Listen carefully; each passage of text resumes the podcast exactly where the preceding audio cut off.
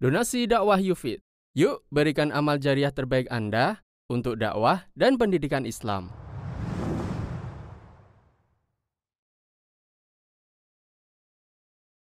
Bismillahirrahmanirrahim. Assalamualaikum warahmatullahi wabarakatuh. Alhamdulillahi. Wassalatu wassalamu ala ashrafil anbiya'i wal mursalin.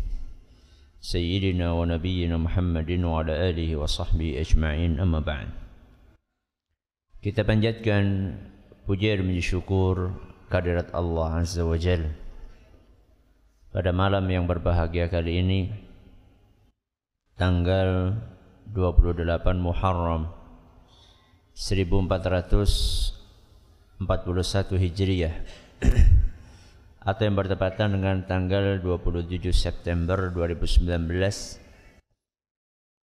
kita masih kembali diberi kekuatan kesehatan hidayah serta taufik dari Allah Jalla wa ala sehingga kita bisa kembali menghadiri pengajian rutin untuk membahas adab dan akhlak di dalam Islam di Masjid Jenderal Besar Sudirman di kota Purwokerto ini kita berharap semoga Allah Azza wa Jalla berkenan untuk menimpahkan kepada kita semuanya ilmu yang bermanfaat sehingga bisa kita amalkan sebagai bekal untuk menghadap kepada Allah Jalla wa Ala.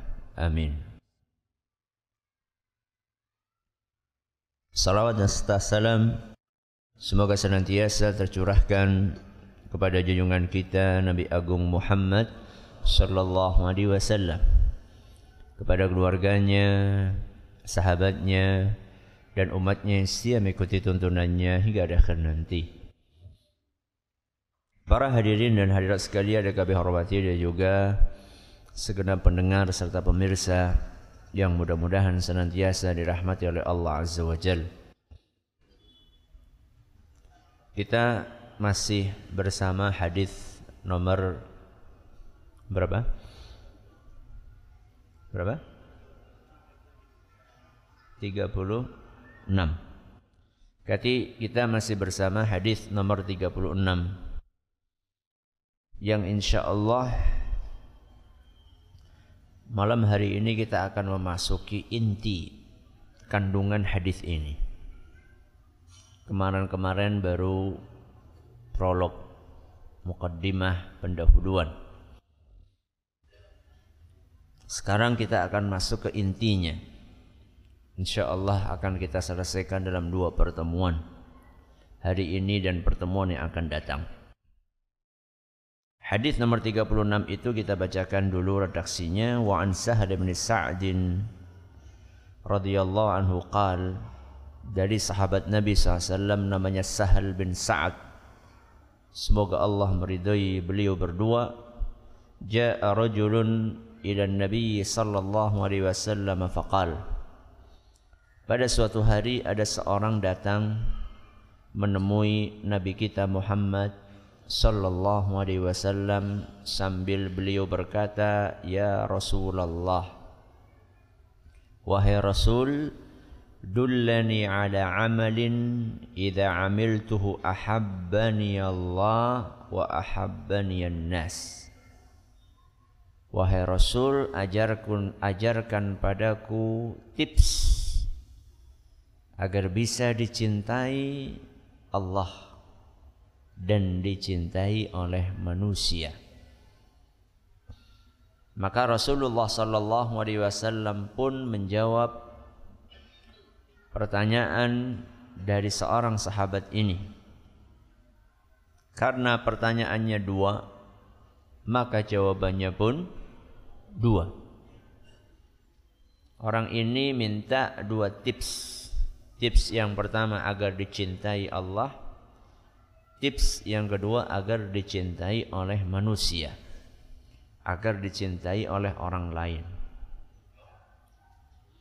Malam hari ini kita akan membahas tips yang pertama.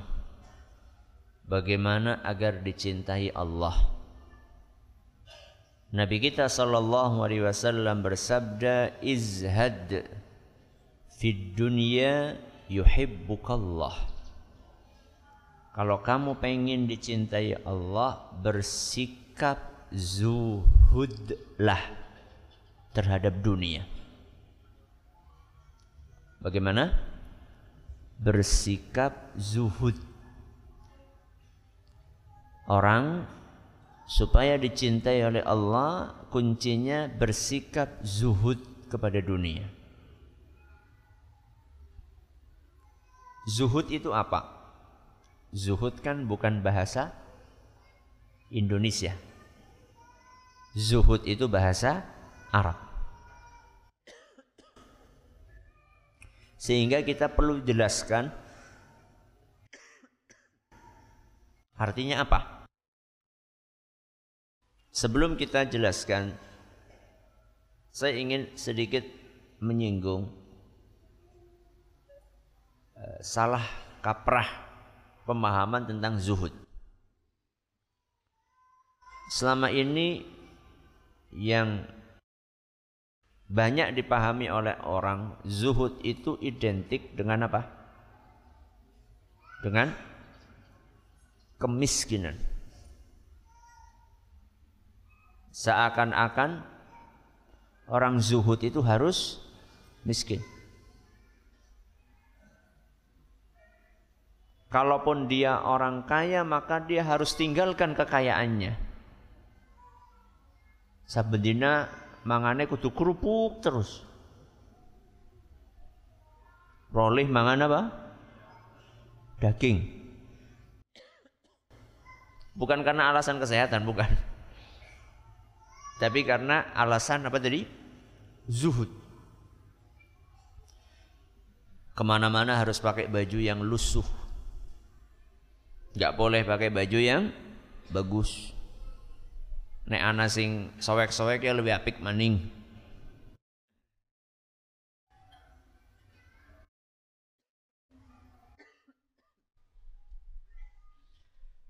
Jadi selama ini orang sebagian orang memahami keliru makna zuhud. Zuhud itu diidentikan dengan kemiskinan.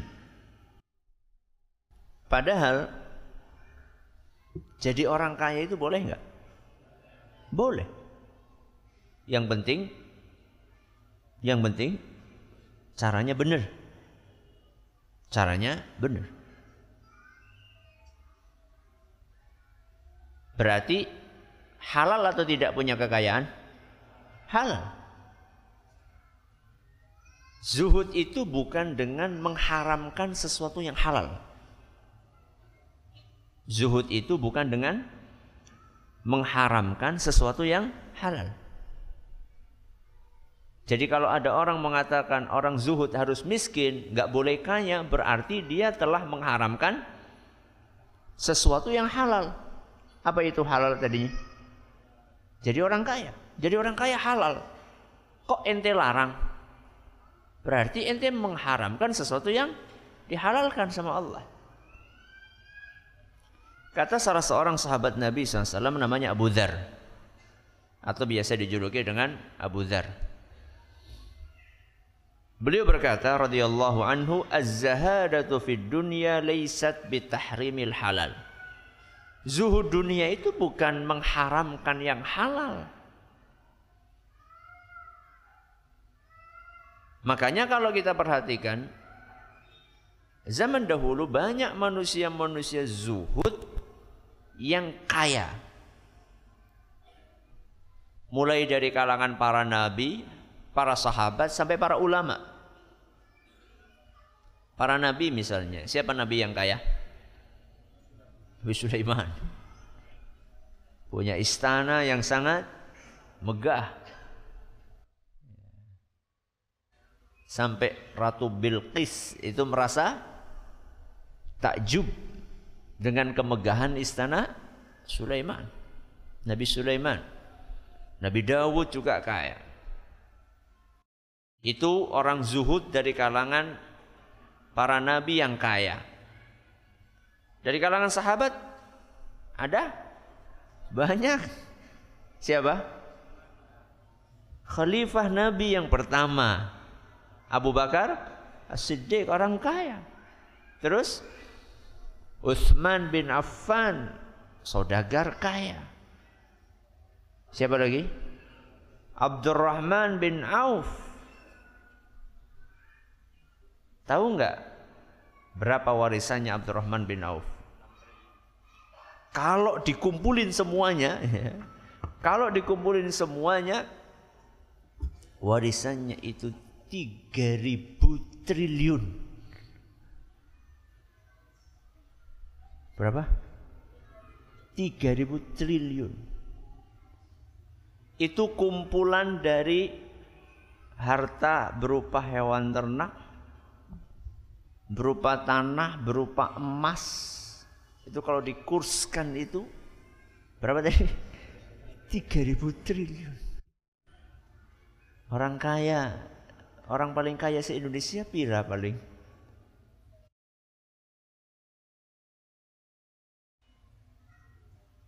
Ulama yang lainnya, kalau tadi kan sahabat ya, tadi nabi, sahabat. Sekarang siapa? Ulama. Ada ulama yang terkenal sekali kekayaannya yaitu Al-Imam Ibnul Mubarak. Siapa? Al-Imam Ibnul Mubarak. Beliau pernah menghajikan orang seluruh kampung dia.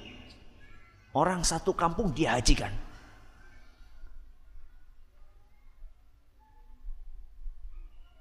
Bayar, yo raudu travel. Waduh, dia biayai. kaya raya. Sampai pernah beliau ditegur oleh sama-sama ulama. Anta ta'muruna bizuhdi wa taqalluli wal bulghah wa naraka ta'ti bil badai' kaifa? Wahai imam, kamu sering menganjurkan kami untuk zuhud sering kasih nasihat di pengajian supaya hidup sederhana. Gak usah berlebihan. Tapi kami perhatikan kamu bisnisnya besar banget.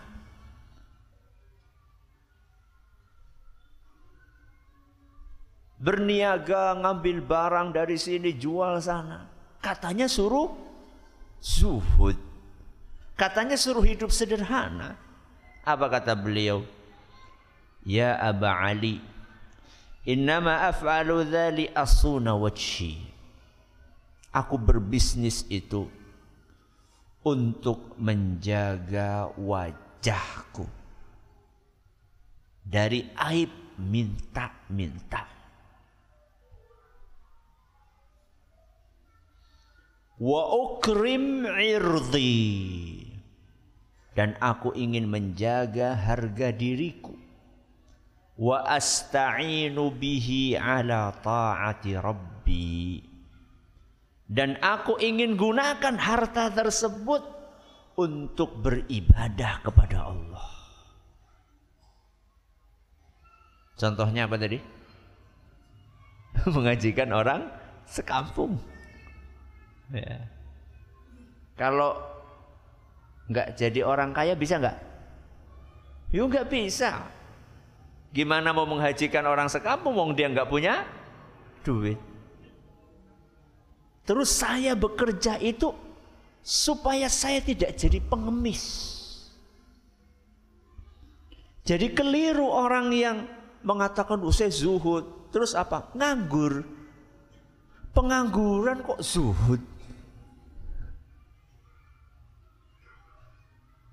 Terus kamu hidupnya ya mbok anasing melas.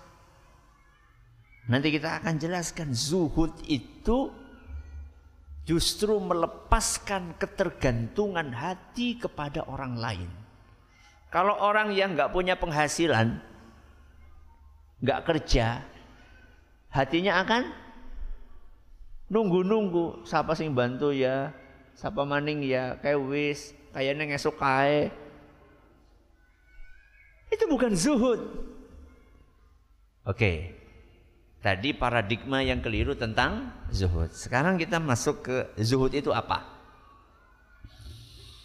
Zuhud terhadap dunia artinya adalah melepaskan ketergantungan hati kepada dunia.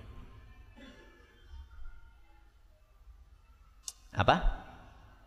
Melepaskan ketergantungan hati kepada dunia. Hati ini nggak nyantol kepada dunia. Hati itu tidak tertaut dengan dunia. Berarti zuhud itu amalan hati apa amalan lahir? Amalan hati atau amalan lahir? Amalan hati. Dan juga bukan amalan lisan juga, bukan. Apa orang ngerti nyung tulis zuhud? Zuhud itu bukan klaim. Bukan pengakuan dengan lisan. Zuhud itu adalah ketika hati kita tidak tergantung kepada dunia. Kenapa? Hatinya tidak kepikir, tidak tergantung dengan dunia karena dunia di mata dia remeh. Karena dunia di mata dia remeh. Rasulullah Shallallahu Alaihi Wasallam menggambarkan remehnya dunia itu dengan apa?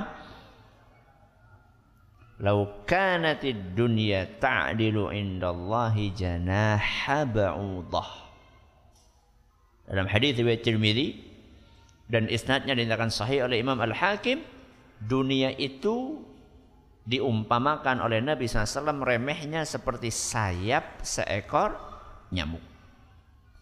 Bukan nyamuknya, tapi apa? Sayapnya. Remeh atau tidak sayap seekor nyamuk? Sangat remeh.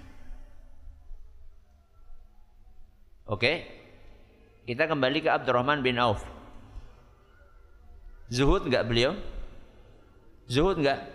Zuhud. Kaya enggak? Kaya. Tapi kekayaannya tidak membuat hatinya tergantung kepada duit yang dia miliki. Buktinya apa? Buktinya dia sangat ringan untuk menginfakkan kekayaan itu kepada orang yang membutuhkan. Dia tidak sedih ketika hartanya berkurang saat diinfakkan. Dia nggak kepikiran, aduh gimana ya kemarin 100 juta sekarang tinggal 97 juta 500 karena dikeluarin berapa? Dua setengah persen. Enggak. Buat dia ngeluarin harta yang dia miliki di jalan Allah sebesar apa pun nominalnya menurut dia itu tidak masalah sama sekali. Makanya jangan kaget sekali Abdurrahman bin Auf sedekah itu bisa 48 miliar. Sekali apa? Sedekah. Kalau kalian jenengan pinten? Mulane ora suki-suki. Jadi jangan dipikir Abdurrahman meninggalkan warisan berapa tadi? 3000 triliun karena beliau nggak tahu sedek, nggak pernah sedekah. Oh enggak, justru sebaliknya. Sedekahnya 48 miliar, maka harta yang diwariskan berapa? 3000 itu wajar. Jadi bukan karena Abdurrahman bin Auf itu semua hartanya dikumpul, ditimbun, ditimbun, ditimbun, nggak pernah disedekahkan sehingga jadi sekian triliun ketika dia meninggal dunia. Bukan. Saat Abdurrahman mengeluarkan duit berapa tadi? 48 miliar itu seperti kehilangan sayap seekor nyamuk. Sedih nggak? Jenengan kehilangan sayap nyamuk. Sedih nggak? Ya begitulah seharusnya orang zuhud. Jadi kalau misalnya jenengan punya duit satu juta kemudian ada kotak infak 500 ribu. Kira-kira jenengan masukkan ke situ seperti kehilangan sayap nyamuk apa enggak?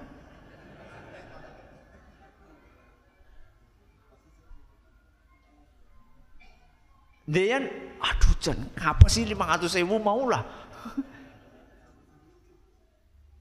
Murah satu sewu baik lah. Ngajok aku lah. Kayak gitu zuhud. Bukan zuhud itu.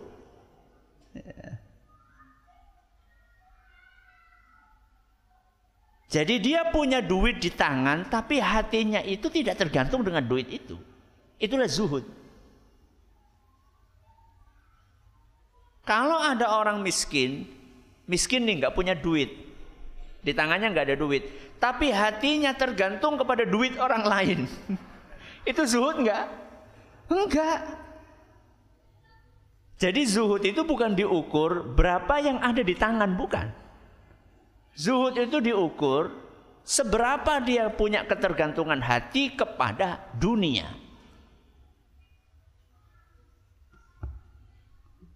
Abdurrahman bin Auf sepertiga penduduk Madinah pernah dibayari utangnya sama beliau.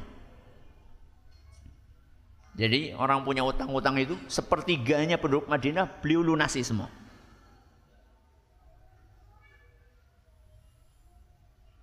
Dan beliau ketika mengeluarkan duit itu santai. Tidak kepikiran. Karena lagi-lagi dunia di sisi beliau sangat re remeh. Baik. Itu definisi zuhud. Apa tadi? Menghilangkan ketergantungan hati kepada dunia. Baik. Sekarang aplikasi zuhud. Imam Ibn Rajab rahimahullahu taala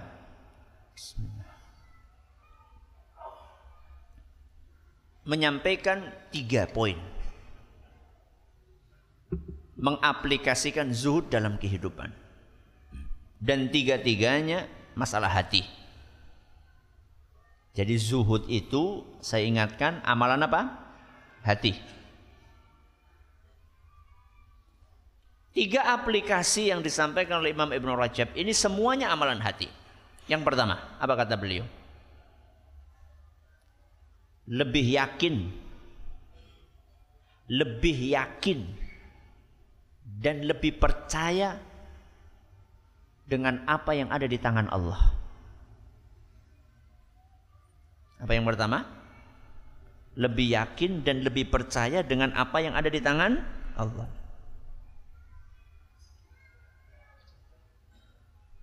Dibandingkan apa yang ada di tangan manusia. Dibandingkan apa yang ada di tangan manusia. Saya tanya. Ada seorang milioner. Ada seorang milioner. Mengatakan kepada jenengan nanti habis isya saya akan kasih biaya hidupmu selama satu tahun ke depan. Buat makan kamu, buat makan istrimu, buat bayar listrik, buat apa lagi? Bensin, SPP, apa nih? PDAM, pulsa. Semuanya saya tanggung. Saya tanya, saat itu jenengan bahagia? Kok diem aja? Bahagia? Enggak? Masya Allah. Bahagia? Bahagia. Manusiawi? Manusiawi. Bahagia. Satu tahun ke depan nggak perlu pusing-pusing. Kita akan menjalani hidup itu dengan optimis, yakin satu tahun ke depan. Saya tanya, ketika yang memberikan jaminan itu Allah Subhanahu wa taala. Kamu seumur hidup aku tanggung biayanya. Bahagia? Bahagia. Yakin? Optimis? Temenan Optimis dengan menghadapi hidup ini? Itulah orang yang zuhud. Orang yang zuhud itu lebih percaya dengan apa yang ada di sisi Allah dibandingkan apa yang ada di tangan manusia. Rizki kita ini sudah ditanggung sama Allah. Dalam Al-Quran surat Hud ayat 6. Surat apa? Hud ayat 6. Wa ma min dabbatin fil ardi illa 'ala Allahi rizquha. Seluruh makhluk hidup di muka bumi ini, di alam semesta ini sudah ditanggung rizkinya oleh Allah. Jadi kenapa takut punya anak banyak? Kenapa? Takut punya anak banyak. Orang kan sekarang takut, oh gimana nanti kasih makan. Anak baru lahir loh, baru lahir ceprot. Wis mikir engkau nek mlebu kuliah sih bayari ke priwe ya. Aduh temen mas. Itu yang bikin hidup menjadi tidak Tenang. Urung mesti urip. Belum tentu hidup sampai sana. Oh sudah mikirnya, oh bojone kalau siapa ya Allah.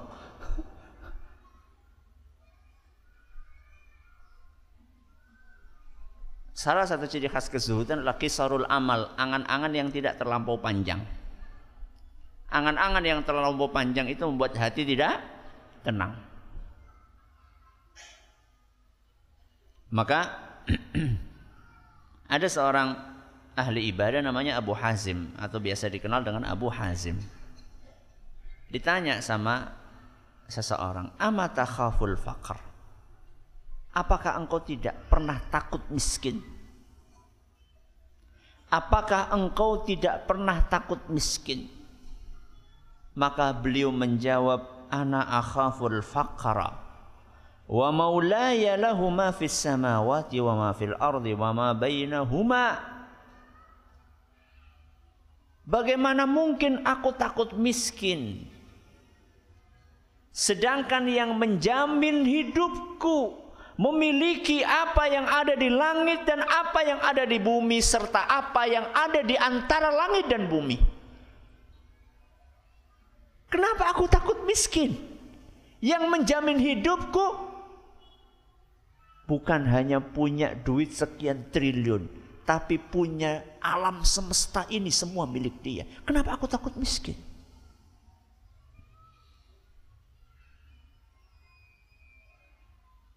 Imam Ahmad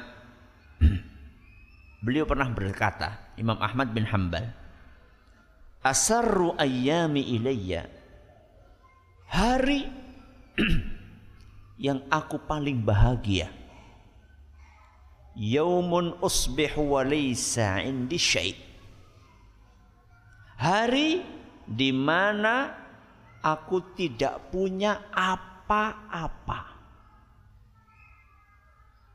Coba diulangi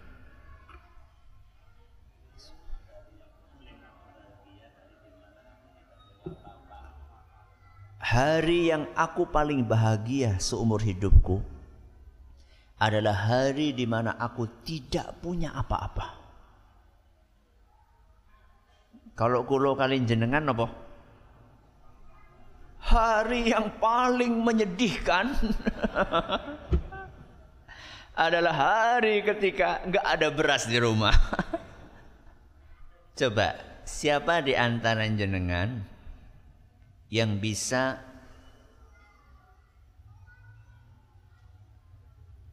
me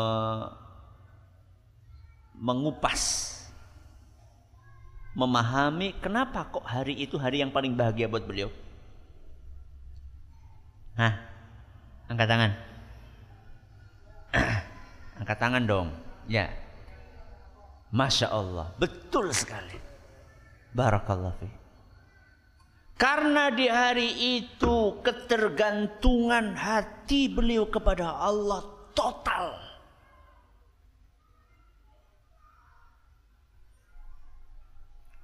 Kebalikannya, ketika hari itu kita punya sesuatu, ada ketergantungan hati kepada sesuatu yang bersifat duniawi tersebut. Saya tanya, saya yakin banyak di antara jenengan yang hidupnya berkecukupan. Saya yakin banyak di antara jenengan yang setiap awal bulan masuk apa? Masuk gaji di rekeningnya. Dan gajinya secara perhitungan cukup buat apa? Satu bulan. Betul? Saya nggak nyuruh Anda angkat tangan, nggak perlu. Bok maras diutangi. Betul atau tidak? Jenengan ada yang seperti itu? Betul? Oke. Saya tanya, ketika orang merasa hidupnya berkecukupan, bahkan lebih, apakah dia akan sering berdoa kepada Allah minta rezeki? Jawab. Jawab. Iya atau tidak? Tidak. Iya. Sering. Oh, sering jadi sabar. Saya tanya, kapan kita akan merintih, menghibah, memohon, berdoa kepada Allah agar dikasih rezeki? Kapan? Ketika nggak punya duit. Betul? Itulah kebahagiaan hakiki. Ketika hati kita tergantung kepada Allah, bukan kepada apa yang ada di tangan kita. Itu yang membuat Imam Ahmad bahagia. Dan itu yang mendatangkan cinta Allah. Makanya tadi kita katakan apa? Kuncinya cinta Allah apa? Zuhud kepada dunia. Kalau zuhud kepada dunia berarti ketergantungannya bukan kepada dunia, tapi ketergantungannya kepada siapa? Allah. Allah sangat cinta kepada hambanya yang merasa butuh kepadanya. Yang selalu bergantung kepadanya.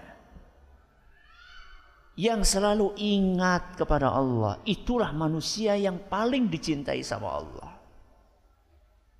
oke ini aplikasi yang pertama apa tadi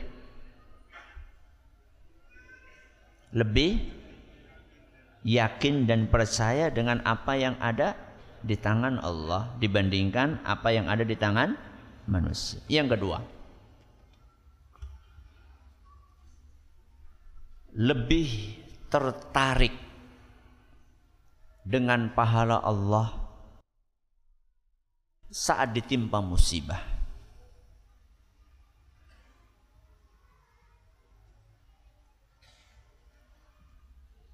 Lebih tertarik dengan pahala Allah saat ditimpa musibah. Saya tanya, jenengan pernah ditimpa musibah? Pernah? Pingkopang kape berkali-kali. Musibah itu kan macam-macam. Bisa musibah kena harta. Mengenai apa? Harta. Ada musibah mengenai fisik ada musibah mengenai keluarga. Musibah mengenai harta apa? Sandal hilang. HP hilang. Motor hilang. Itu adalah musibah mengenai harta. Apa yang kedua tadi? Musibah mengenai fisik. Apa? Sakit. Terus yang ketiga? Mengenai keluarga. Ada orang yang kita sayangi meninggal dunia. Alhamdulillah rabbil alamin salatu wassalamu ala nabiyina Muhammadin wa ala alihi wa sahbihi ajmain wa ba'd. Apa tadi poin yang kedua? Lebih tertarik dengan pahala Allah saat ditimpa musibah. Saya tanya, musibah itu ada pahalanya nggak? Musibah itu ada pahalanya nggak? Ada. Ketika kita bersabar. Musibah harta, kehilangan harta. Musibah fisik, kesehatan kita berkurang. Musibah keluarga, anak kita meninggal. Saya tanya, ketika kita kehilangan HP, kemudian kita bersabar, dapat apa? Pahala. Pahala yang kita dapatkan dari musibah kehilangan HP dengan HP yang hilang lebih berharga mana? Lebih berharga mana? Jangan milih pahalanya nggak jadi, HP-nya dikembalikan. Atau pahal, HP-nya sudah hilang tapi dapat pahala. Milih yang mana? Bukan dua-duanya. Disuruh milih salah satu. Anda, anda milih mana? Hmm? Berarti Anda zuhud. Iya. Yeah. Kenapa? Karena HP ini bakalan habis. Bakalan rusak. Bakalan musnah bakalan hilang. Bakalan kita tinggal saat kita mati. Bahkan sebelum kita mati sudah rusak duluan. Bukankah kita bolak-balik ganti apa? HP. Tapi pahala yang kita dapatkan. Itu gak akan hilang selama kita jaga dengan baik. Pahala itu akan menemani kita sampai ke kuburan. Bahkan akan menemani, menemani kita mengantarkan kita ke surga Allah Subhanahu wa taala.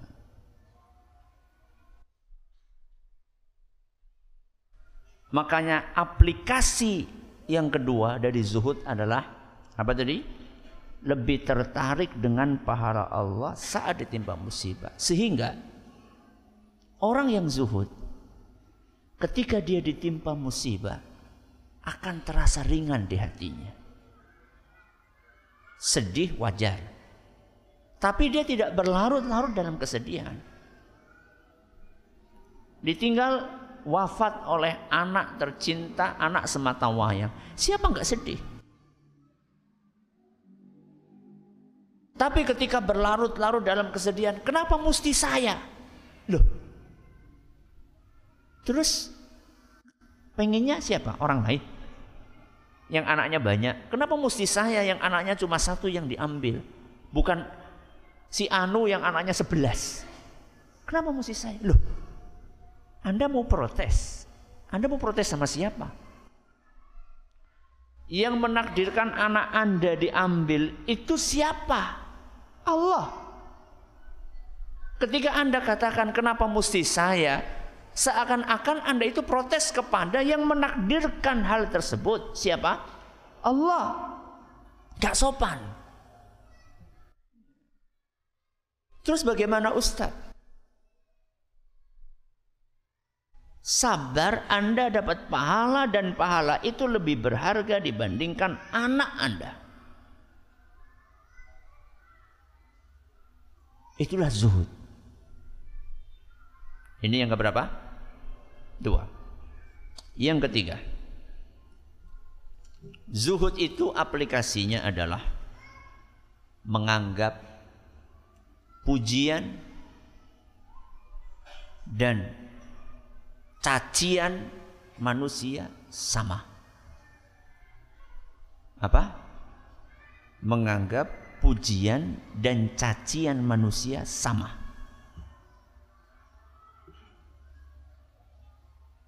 Emang itu zuhud dunia? Iya. Karena dunia itu bukan hanya harta pujian, sanjungan, cercaan, cacian, itu juga dunia. Keliru orang yang membatasi dunia hanya dalam harta materi keliru. Pujian juga termasuk dunia. Ketika orang sudah sampai level pujian orang biasa aja, dicaci biasa aja, maka berarti dia telah bersikap zuhud. Manakala pujian dan cercaan itu muncul saat kita berpegang dengan kebenaran.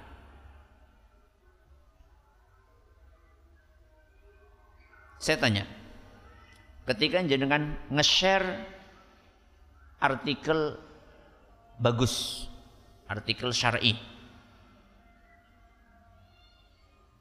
Kemudian ada yang ngasih like jempol ke atas. Di bawahnya ada yang ngasih jempol ke bawah. Saya tanya, perasaan Anda sama? Sama atau tidak? Berarti belum zuhud. Ketika Anda nge-share cuplikan video kajian. Kemudian sepi, nggak ada yang ngasih jempol.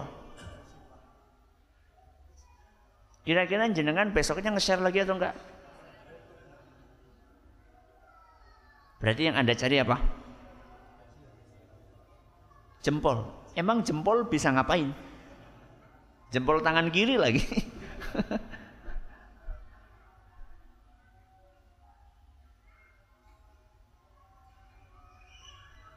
manusia itu saya sering sampaikan ini. Manusia itu bisa lebih gila pujian dibandingkan gila harta. Waspada itu. Manusia lebih bisa gila pujian daripada gila harta. Anda kalau dikasih duit palsu marah?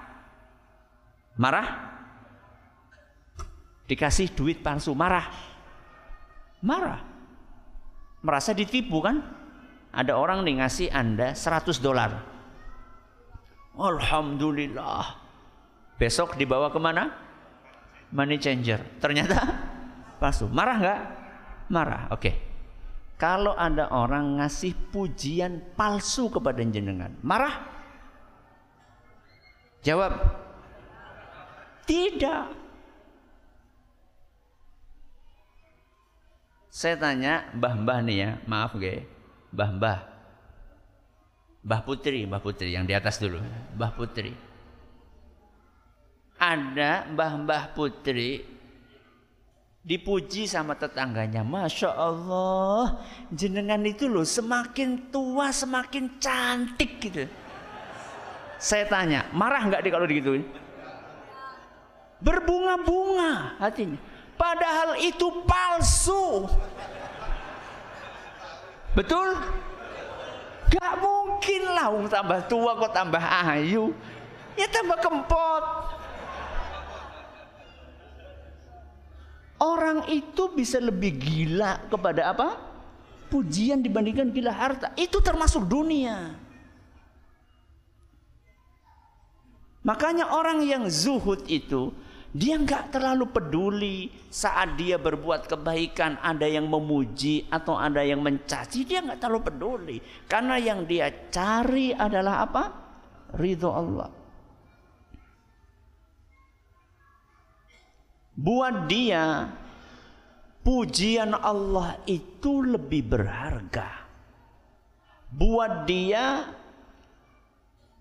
marah Allah itu lebih mengerikan sehingga orang yang zuhud itu dia tidak akan meninggalkan kebenaran cuma karena takut cercaan. Kan ada orang yang sudah tahu hukumnya A. Ini nggak boleh, ini haram, ini bid'ah. Kemudian gimana ya nggak enak ya. Nanti gimana kalau saya nggak hadir itu nanti orang akan ngomong gini-gini. Nah, tuh kan? Dia mau mengalahkan ridho Allah untuk menghindari cacian manusia. Berarti belum zuhud. Wah, nah gimana nanti kalau anak nutup aurat rapat-rapat, orang akan ngomong apa nanti? Akan ngatain radikal, akan ngatain apa? ekstremis udahlah kita ikut aja yang umum masyarakat biar nggak dikatain lihat dia rela untuk mendapatkan murka Allah. Cuma gara-gara takut cercaan manusia. Cuma karena ingin dipuji oleh manusia. Wah anda ini nggak fanatik sekarang. Ngaji ke sana tapi nggak fanatik. Bagus. Itu yang dicari kan? Tapi dia mengorbankan dirinya untuk terancam dengan kemurkaan dari Allah. Ini adalah poin yang pertama, cinta Allah. Pada pertemuan yang akan datang insya Allah kita akan membahas bagaimana supaya dicintai oleh manusia. Wallahu taala a'la wa alam. Subhanakallahumma wa bihamdika asyhadu an la ilaha illa anta astaghfiruka wa atubu ilaik. Terima kasih atas perhatiannya, atas segala kurangannya. Assalamualaikum warahmatullahi wabarakatuh.